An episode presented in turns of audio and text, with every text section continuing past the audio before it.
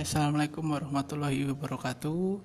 Uh, saya Raka Pradana Nas Nurdin dan ini adalah jawaban UTS saya ekonomi manajerial nomor 1 di mana di soal pertanyaannya adalah jelaskan dengan baik gambar satu di samping ini.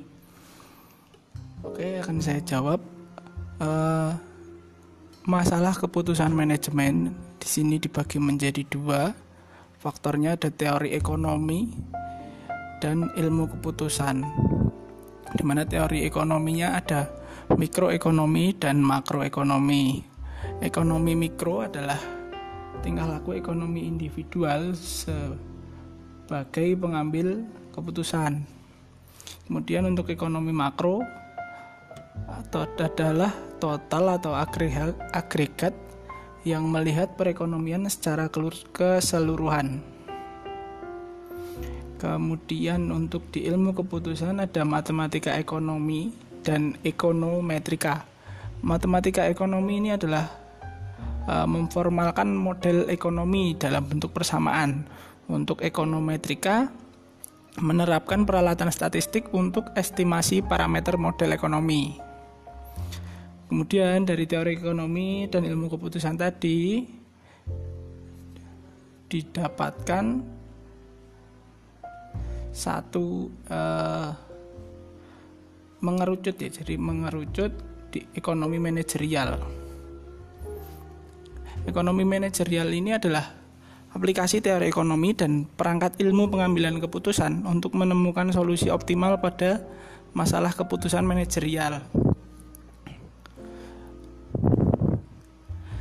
Kemudian dari ekonomi manajerial tadi pengertiannya sudah saya jelaskan didapatkan solusi optimum untuk masalah keputusan manajerial. Oke, seperti itu jawaban saya untuk nomor 1A. Kemudian apa saja kendala yang dihadapi manajemen perusahaan atau organisasi dalam pengambilan keputusan?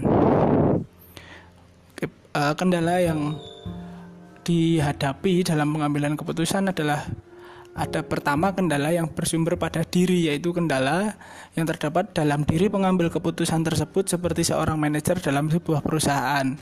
Jadi kendala itu timbul dari diri sendiri. Kemudian Nomor dua, kendalanya adalah kegagalan di masa lalu. Kendala ini muncul karena adanya kegagalannya dirinya dalam mengambil keputusan di masa lalu sehingga dirinya takut untuk mengambil keputusan karena takut keputusan yang ia ambil uh, akan mengalami kegagalan layaknya keputusan yang telah ia ambil pada dahulu pada proses sebelumnya. Kemudian ada pemahaman yang tidak tepat tentang peranan informasi. Kemudian keempat ada juga konsultasi yang berlebihan. Jadi konsultasi yang berlebihan juga dapat menimbulkan kendala dalam pengambilan keputusan. Kemudian ada faktor ketidakpastian seperti kurang yakin dalam diri seorang manajer, kemudian preferensi pribadi manajer yang bersangkutan atas alternatif yang mungkin ditempuh Kemudian manajer yang bersangkutan meragukan apakah keputusan baru diperlukan atau tidak. Kemudian ada keterlibatan kelompok. Jadi dalam kelompok pasti ada keinginan-keinginan pihak-pihak yang terlibat. Kemudian keputusan dapat menjadi sangat lamban dan sering timbul perbedaan pandangan antara mereka yang terlibat. Oke, jadi itu jawaban saya untuk nomor 1B. Terima kasih.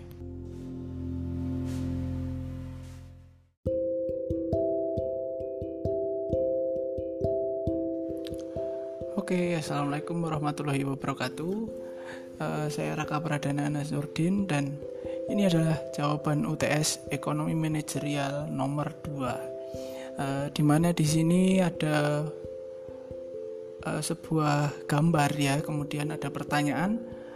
Uh, berbagai teknik optimasi dapat digunakan seorang manajer untuk maksimisasi laba atau nilai perusahaan untuk meminimumkan biaya dengan kendala tertentu.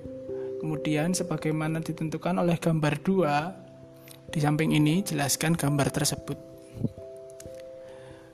Oke, ini gambar di samping ini ada bentuk persamaan TR sama dengan 100 Q dikurangi 10 Q pangkat 2 atau Q kuadrat. Jadi TR ini adalah total revenue, kemudian Q-nya adalah quantity atau kuantitas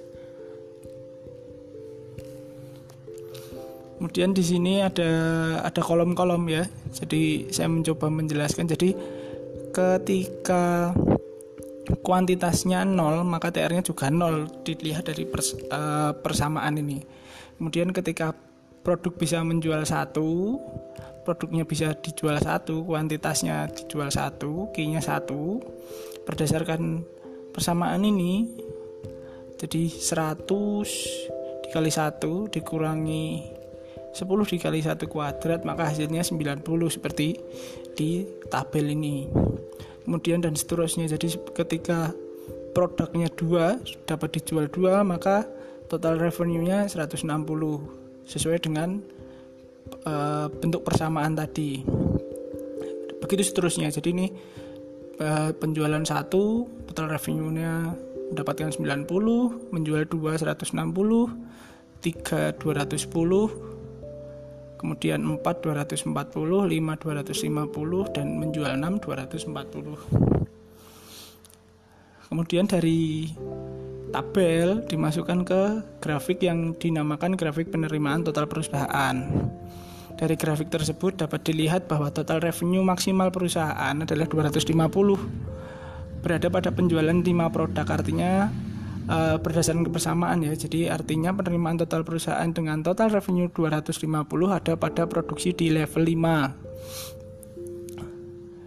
eh, jadi maksimalnya ketika perusahaan memproduksi 5 itu total menjual 5 total revenue-nya akan berada di titik paling tinggi itu di 250. Kemudian selanjutnya ada pertanyaan Beberapa metode kualitatif dapat digunakan untuk optimasi optimasi tujuan perusahaan antara lain ada benchmarking, TQM, business process reengineering atau BPR atau kemudian ada learning organization dan lain-lain sebagai seorang mahasiswa magister manajemen metode apa yang akan saya rekomendasikan kepada seorang direktur perusahaan yang sedang galau dalam kondisi perusahaan. Oke, okay. uh, eh, mungkin dari beberapa metode kualitatif ini sebenarnya metode kualitatif itu semua metode kualitatif tujuannya sama adalah optimalisasi laba dan seterusnya sehingga sebenarnya sifatnya sama. Uh, mungkin jika saya diberi wewenang untuk merekomendasikan uh, metode apa mungkin yang saya pilih adalah benchmarking. Karena dengan melakukan benchmarking setidaknya ada enam manfaat utama yang bisa perusahaan rasakan gitu. Jadi yang pertama ada analisis kompetitif. Dengan membandingkan performa perusahaan saat ini dengan performa kompetitor lain maka perusahaan akan mampu mengidentifikasi, mengidentifikasi bagian mana yang harus ditingkatkan atau diperbaiki. Kemudian kedua juga bisa memantau performa akan memantau akan dapat memantau performa mendapatkan tren saat ini dengan melakukan kegiatan benchmarking. Sehingga akan memungkinkan perusahaan untuk menerapkan tren tersebut dan mendapatkan hasil yang maksimal. Kemudian perbaikan secara berkala. Dengan benchmarking eh, perusahaan akan meningkatkan performa bisnis secara berkelanjutan. Kemudian ada perencanaan dan penetapan sasaran jadi setelah melakukan benchmarking, maka perusahaan nantinya akan mampu menentukan tujuan dan metrik performa untuk meningkatkan kinerja perusahaan. Nantinya sasaran tersebut akan menjadi target baru yang lebih kompetitif. Namun perusahaan tetap harus menetapkan target yang realistis. Kemudian meningkatkan rasa kepemilikan.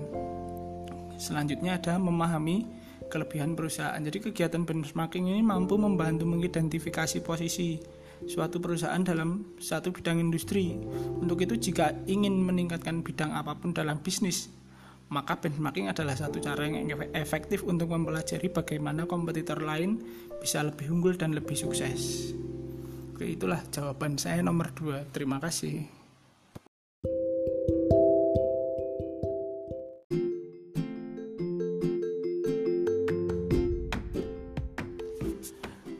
Assalamualaikum warahmatullahi wabarakatuh. Saya Raka Pradana Anas Nurdin dan ini adalah jawaban UTS Ekonomi Manajerial saya nomor 3. Eh, di mana di soal ada pertanyaan dijelaskan dengan baik gambar tiga di samping ini. Oke, jadi di gambar ini ada sebuah uh, grafik ada sumbu vertikal dan horizontal di mana ada harga dan kuantitas. Di sini ada simbol uh, yaitu P. P adalah price atau harga, kemudian ada Q uh, adalah kuantitas. Jadi di sini ada dua gambar ya, tapi uh, saya coba jelaskan dalam langsung dalam satu kalimat. Jadi uh, ketika harga naik, maka permintaan akan turun. Uh, jadi ketika suatu harga harga suatu produk itu mengalami kenaikan, maka permintaan ini di dalam grafik ini akan turun. Ketika harganya turun, maka permintaannya akan naik. Begitu. Jadi itu adalah uh, deskripsi dari gambar 3. Kemudian ada pertanyaan lagi. Selain harga, faktor lain apa saja yang mempengaruhi jumlah barang atau jasa yang diminta. Jelaskan. Oke, jadi faktor-faktor yang mempengaruhi permintaan itu secara teoritis permintaan dari seorang individu atau masyarakat terhadap suatu barang ditentukan oleh beberapa hal antara lain seperti tadi barang itu sendiri, harga barang itu sendiri. Kemudian selain harga, kedua ada selera masyarakat. Jadi eh, permintaan masyarakat terhadap barang ini juga dipengaruhi oleh selera masyarakat. Jadi uh, kembali lagi namanya selera kita tidak bisa memaksa antara satu individu dengan individu yang lain. Jadi mungkin saya uh, suka dengan produk A karena desainnya, tapi mungkin orang lain tidak suka karena desainnya mereka anggap tidak bagus. Jadi mereka memilih produk yang lain. Kemudian selanjutnya ada tingkat pendapatan masyarakat uh, tingkat pendapatan masyarakat ini sangat mempengaruhi permintaan ya jadi uh, barang atau jasa uh, permintaannya akan sangat dipengaruhi oleh tingkat pendapatan jadi pendapatan masyarakat yang tergolong rendah tidak akan um, membeli begitu uh, suatu barang yang harganya melampaui dari tingkat pendapatannya. Jadi tingkat pendapatan ini sangat mempengaruhi permintaan. Kemudian ada pengharapan, ekspektasi atau perkiraan ramalan terhadap sesuatu yang akan terjadi di masa yang akan datang. Oke, jadi e, seperti di kondisi saat ini awal-awal pandemi, katakanlah awal-awal pandemi e, kita semua memprediksi wah ke depan masker bakal susah didapat kemudian hand sanitizer akan susah didapat kemudian permintaannya e, langsung naik permintaan terhadap masker secara drastis langsung naik. Nah ini e, pengharapan ekspektasi perkiraan ramalan ini yang e, akan mempengaruhi permintaan. Kemudian harga barang lain barang substitusi atau barang komplementer.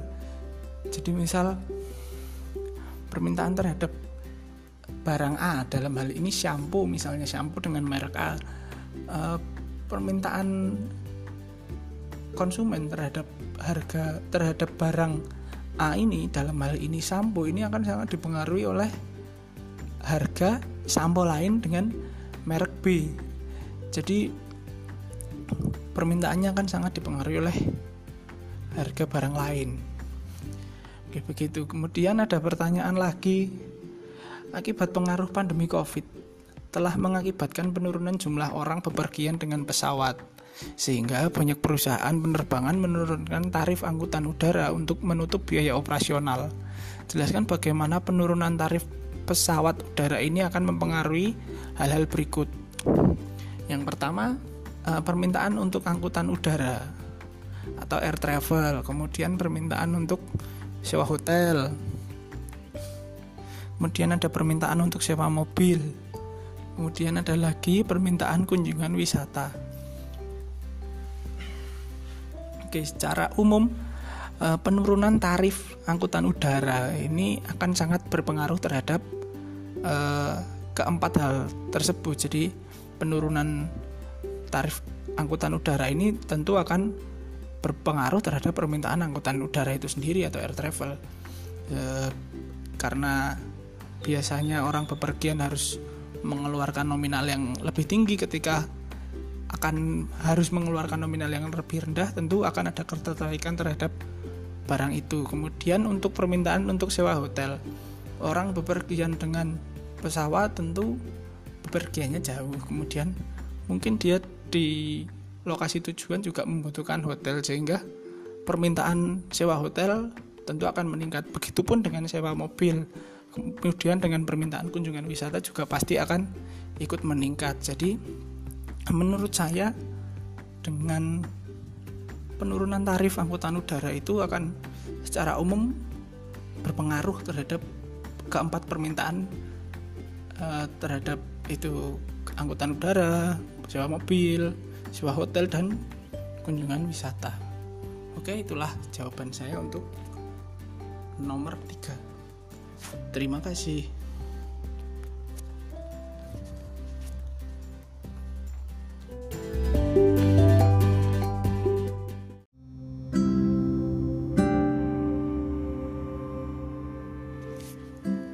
Oke, assalamualaikum warahmatullahi wabarakatuh. Saya Raka Pradana dan ini adalah jawaban UTS Ekonomi Manajerial saya untuk nomor 4. Jadi di sini ada soal, dapatkah saudara jelaskan satu persatu jenis elastisitas pada gambar 5 di samping ini?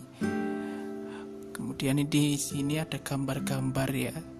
Ada EP0, EP tak terhingga, EP1, grafiknya melengkung seperti itu dan EP kurang dari satu dan EP lebih dari satu oke akan coba saya jelaskan satu persatu untuk yang pertama ini ada EP 0 artinya berapapun kenaikan harga tidak akan mempengaruhi permintaan terhadap barang itu. Contohnya ketika konsumen tidak lagi peduli terhadap suatu harga barang tetapi biasanya sudah menjadi kebutuhan utama bagi konsumen itu sendiri. Ya contohnya obat-obatan. Jadi harganya mau naik seperti apa juga konsumen pasti akan tetap membeli karena mereka pasti tetap butuh begitu. Kemudian yang kedua ada EP tak terhingga. Artinya berapapun perubahan harga ini bisa naik dan bisa turun ya. Jadi yang penting ada perubahan. Permintaan suatu barang berubah-ubah meskipun harganya tetap. Contohnya bahan bakar bensin atau minyak tanah itu harganya berubah seperti apa ya? Permintaannya kan tetap ada. Kemudian EP sama dengan satu perubahan harga mempengaruhi secara proporsional. Artinya sebanding antara perubahan harga dengan permintaannya itu sebanding. Jadi misalnya perubahan harganya naik 20% maka permintaannya juga akan naik 20% ya contoh-contohnya bisa seperti barang-barang elektronik seperti HP, TV dan lain-lain. Kemudian ada EP kurang dari satu atau di sini inelastis ya. Inelastis atau EP kurang dari satu ini artinya perubahan harga kurang begitu berpengaruh terhadap permintaan. Kemudian ada EP lebih dari satu atau elastis. Barang ini jika ada perubahan harga maka permintaannya akan lebih besar. Contohnya barang-barang mewah dan barang-barang yang sifatnya limited edition. Jadi barang-barang yang uh, jumlahnya terbatas ini ketika ada kenaikan harga justru para pembeli ini akan akan semakin terpacu untuk membeli barang dan untuk memiliki barang tersebut begitu kemudian Pertanyaan selanjutnya, masih di nomor 4, bagi seorang manajer perusahaan, bentuk elastisitas manakah yang saudara pilih? Oke, uh, elastisitas yang saya pilih ya tentu yang proporsional. Jadi ketika perubahan harganya itu terjadi, ketika saya perubahannya naik 20%, 30% misalnya, permintaannya juga tetap akan ikut naik. Jadi uh, permintaannya tidak berubah gitu. Jadi misal harga pun naik permintaannya juga uh, maksudnya permintaannya juga berubah ikut ikut naik. Walaupun harganya naik permintaannya tetap naik. Uh, elastis gitu. Itu yang akan saya pilih. Itu terima kasih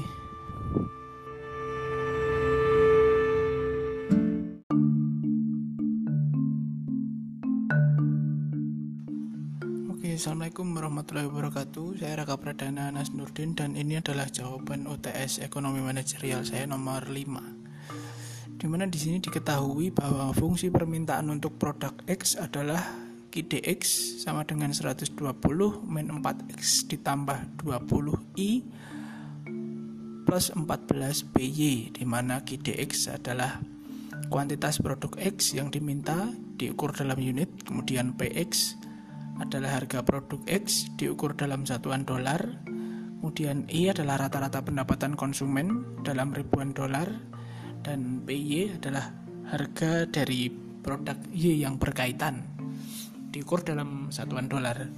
Kemudian pertanyaannya, A. Apakah produk X merupakan produk normal atau produk inferior? Oke, untuk pertanyaan A menurut saya produk uh, yang dimaksud adalah produk normal karena dari rumusnya itu dari income-nya positif. Jadi income-nya naik demandnya juga naik. Kemudian pertanyaan selanjutnya B apakah produk X dan produk Y merupakan produk substitusi atau produk komplementer? Oke yang B kalau dilihat dari koefisiennya positif maka tiap penambahan barang Y juga akan diikuti uh, dengan permintaan terhadap barang X, maka barang tersebut saling melengkapi atau komplementer. Kemudian C, apabila diketahui bahwa I sama dengan 40 dolar, 40 dolar ini dalam ribuan dolar dan PY-nya 20 dolar, maka tentukan fungsi permintaan untuk produk X.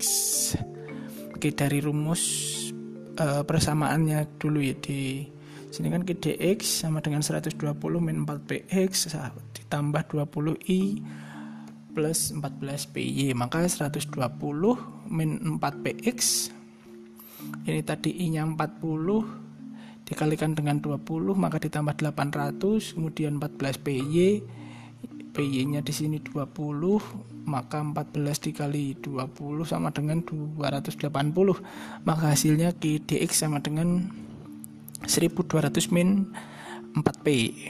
Kemudian D, apabila diketahui fungsi penawaran dari produk X adalah QSX sama dengan min 600 plus 10 PX, maka tentukan harga dan kuantitas keseimbangan. Oke, QSX-nya di sini persamaannya min 600 plus 10 PX. Maka eh, equilibrium keseimbangan itu adalah ketika QDX sama dengan GSX oke maka tinggal dimasukkan dari poin C. Maka ini 1200 min 4P sama dengan min 600 plus 10P maka 14P tambah 1800 maka 1800 dibagi 14 adalah 128 0,5714 kemudian 1200 min 4P eh, 4X X nya 128,5714 maka 1200 dikurangi 4 dikali 128,5714 sama dengan 685,7143 jadi keseimbangan terjadi pada harga 128,5714 dolar dan 685,7143 dalam unit. Kemudian E apakah apa yang akan terjadi pada harga dan kuantitas keseimbangan apabila ter, apabila karena terobosan teknologi dan program efisiensi telah memungkinkan produk X diproduksi dengan biaya yang lebih rendah sehingga telah mengubah fungsi penawaran menjadi KSX sama dengan min 360 plus 10 PX caranya masih sama ya. Jadi KSX nya min 360 plus 10 PX sama dengan tadi dari rumus keseimbangan adalah KDX sama dengan KSX maka KDX yang tadi 1200 min 4P sama dengan min 360 plus 10 PX maka jika dijumlahkan akan 1560 sama dengan 14P maka 1560 dibagi 14 adalah 111,4286 kemudian dimasukkan ke dalam GDX ya tadi 1200 dikurangi 4P jadi 1200 dikurangi 4 dikali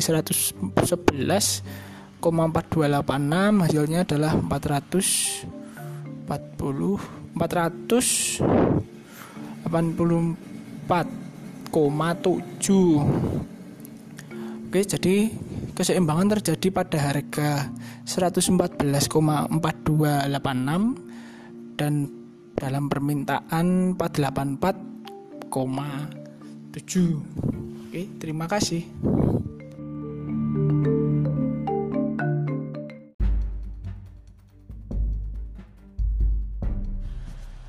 Assalamualaikum warahmatullahi wabarakatuh. Saya Raka Pradana Anas Nurdin dan ini adalah jawaban UTS Ekonomi Manajerial soal nomor 6. Oke, di sini pada poin A ada pertanyaan pada teori perilaku konsumen dikenal dua pendekatan yaitu ordinal dan kardinal. Jelaskan kedua pendekatan tersebut. Oke, baik. Jadi eh, Menurut pendekatan kardinal, suatu barang atau jasa dapat diukur dengan satuan util atau utilitas. Contohnya, uh, sebuah raket akan lebih berguna bagi pemain tenis daripada pemain sepak bola. Namun bagi pemain sepak bola, sepatu bola lebih berguna daripada raket. Contohnya seperti itu. Kemudian di pendekatan ordinal menganggap bahwa utilitas suatu barang tidak perlu diukur cukup untuk diketahui dan konsumen mampu membuat urutan tertinggi. Jadi membuat urutan tinggi rendahnya utilitas yang diperoleh dari mengkonsumsi sejumlah barang atau jasa. Selanjutnya konsumsi dipandang sebagai upaya optimalisasi dalam konsumsinya. Dan sebenarnya ada beberapa perbedaan lain. Jadi pendekatan utilitas kardinal adalah pendekatan di mana kepuasan yang diperoleh konsumen atas konsumsi barang dan jasa dapat diukur secara numerik. Sedangkan pendekatan ordinal menyatakan bahwa kepuasan konsumen berasal atas konsumsi produk atau layanan tidak dapat diukur secara numerik. Kemudian pendekatan kardinal mengukur utilitas secara objektif, sedangkan ordinal mengukurnya secara subjektif. Kemudian pendekatan kardinal dinilai kurang realistis karena pengukuran kuantitatif untuk menilai kepuasan tidak memungkinkan. Di sisi lain, pendekatan ordinal lebih realistis karena mengandalkan pengukuran kualitatif. Kemudian, pendekatan kardinal didasarkan pada analisis utilitas marginal, sedangkan ordinal didasarkan pada analisis kurva indiferen. Kemudian, uh, selanjutnya ada B. Pada titik manakah kepuasan konsumen mencapai maksimum sebagaimana ditunjukkan oleh gambar 6 di samping ini. Kemudian jelaskan mengapa. Oke, di gambar 5 di soal nomor 6 ini ada kuantitas pakaian dan kuantitas buku, kemudian ada simbol seperti IC, ada simbol A, E, dan B. Oke, saya mencoba menjawab. Gambar tersebut menggabungkan asumsi permintaan terhadap buku dan pakaian. Jadi menggambarkan apa yang ingin diperoleh oleh uh, konsumen dan apa yang dapat diperoleh oleh konsumen. Jadi ada yang diinginkan dan apa yang didapat. Dalam grafik digabungkan dalam peta indifferent tertulis ada IC 1 2 3 4, kemudian kurva garis konsumen dari A ke B. Kemudian berdasarkan budget lainnya di kanan garis itu adalah posisi barang yang tidak dapat dibeli berdasarkan anggaran yang ada. Kalau yang di kiri itu yang dapat dibeli oleh konsumen. Posisi kiri posisi kiri bawah itu dari garis api itu menggambarkan posisi barang yang harganya lebih rendah dari pendapatan. Jadi mana yang harus dipilih konsumen ingin jika ingin memaksimalkan utilitasnya? Di gambar 5 konsumen akan mencapai utilitas maksimal pada saat uh, garis anggaran BL ini menyinggung kurva indifferent atau kurva yang dapat dicapai. Ini disebut dengan keseimbangan konsumen. Ya dari gambar juga dapat dilihat ya barang yang ingin dicapai yang sesuai dengan anggaran berada pada titik E itu. Jadi pada titik E itu konsumen akan mencapai utilitas maksimal dengan anggaran terbatas. Jadi anggaran terbatas ini maksudnya mungkin pendapatan nih. Jadi artinya konsumen tidak dapat membeli barang dengan nilai melebihi kemampuan anggarannya. Jadi ada pendapatan yang uh, uh, membatasi kemampuan beli konsumen itu. Mungkin begitu jawaban saya untuk nomor 6. Terima kasih.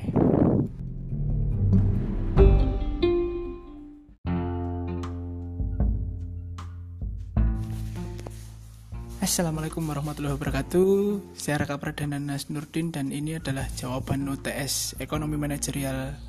Saya nomor 7 ya, Nomor 7 ini ada grafik Kemudian ada pertanyaan. A Jelaskan gambar 7 di samping Kemudian pada titik manakah tingkat produksi total perusahaan mencapai maksimum? Jelaskan mengapa. Kemudian pada tahap 3 apakah perusahaan masih layak untuk menambah tenaga kerja untuk meningkatkan produksi? Kemudian jelaskan mengapa. Oke di nomor 7 ini uh, terdapat kurva produk total marginal dan rata-rata serta tahapan produksi. Yang pertama kita lihat kurva Nah, kita lihat kurvanya ini ya. Uh, dengan waktu tenaga kerja yang dipakai secara kontinu, kita lihat di situ ada kurva TP, kemudian ada MP, ada AP juga. Kemudian kurva MPL ini uh, naik ya sampai dengan titik G aksen, kemudian turun menjadi nol pada titik J aksen Eh, kemudian selanjutnya turun di bawah nol atau menjadi negatif. Kemudian ada kurva satunya lagi kurva APL uh, kurva APL ini dari A aksen itu naik dia sampai dengan titik uh, H aksen ya. Uh, naik ke naik sampai titik H aksen kemudian berangsur turun uh, ke titik C aksen D aksen E aksen dan F aksen. E, tapi turunnya tidak terlalu signifikan, tidak curam. Jadi masih positif. E, selama TP-nya juga masih positif.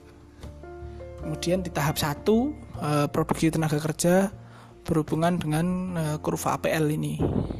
Kemudian tahap 2 ini mencakup antara kisaran APL maksimum sampai dengan saat MPL-nya 0 kemudian tahap 3 terjadi pada MPL-nya negatif.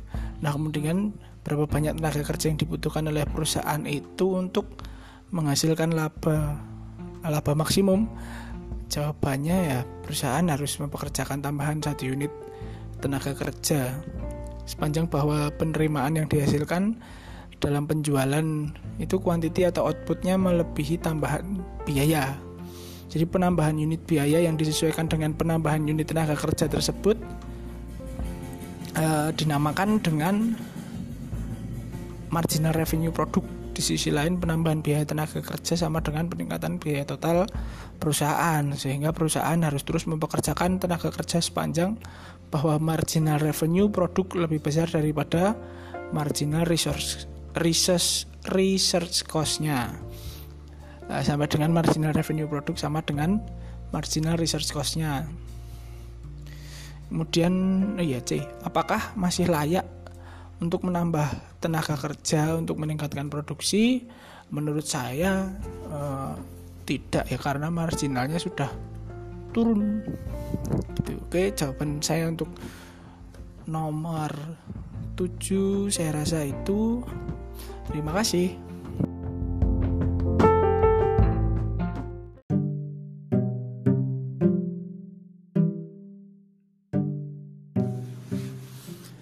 Oke, assalamualaikum warahmatullahi wabarakatuh. Kembali lagi saya Raka Pradana Nas Nurdin dan ini adalah jawaban UTS ekonomi manajerial saya nomor 8. Eh, ini nomor terakhir ya. Oke, uh, pertanyaannya nih soal 8 ini ke studi untuk menghasilkan satu ton gabah, seorang produsen memutuskan mengerjakan 10 orang tenaga kerja dan menyewa satu hektar tanah sawah. Upah setiap tenaga kerja adalah 20.000 dan sewa tanah adalah 5 juta per hektar sekali musim tanam. Berapa nilai uang atau biaya yang harus dikeluarkan produsen untuk menghasilkan satu ton gabah? Oke, berarti pertanyaannya adalah total cost. Total cost adalah fixed cost ditambah variable cost, maka ini tadi pekerjaannya ada 10 dikalikan dengan upahnya per hari maka adalah 20.000 maka 10.000 kali eh 10 kali 20.000 adalah 200.000 kemudian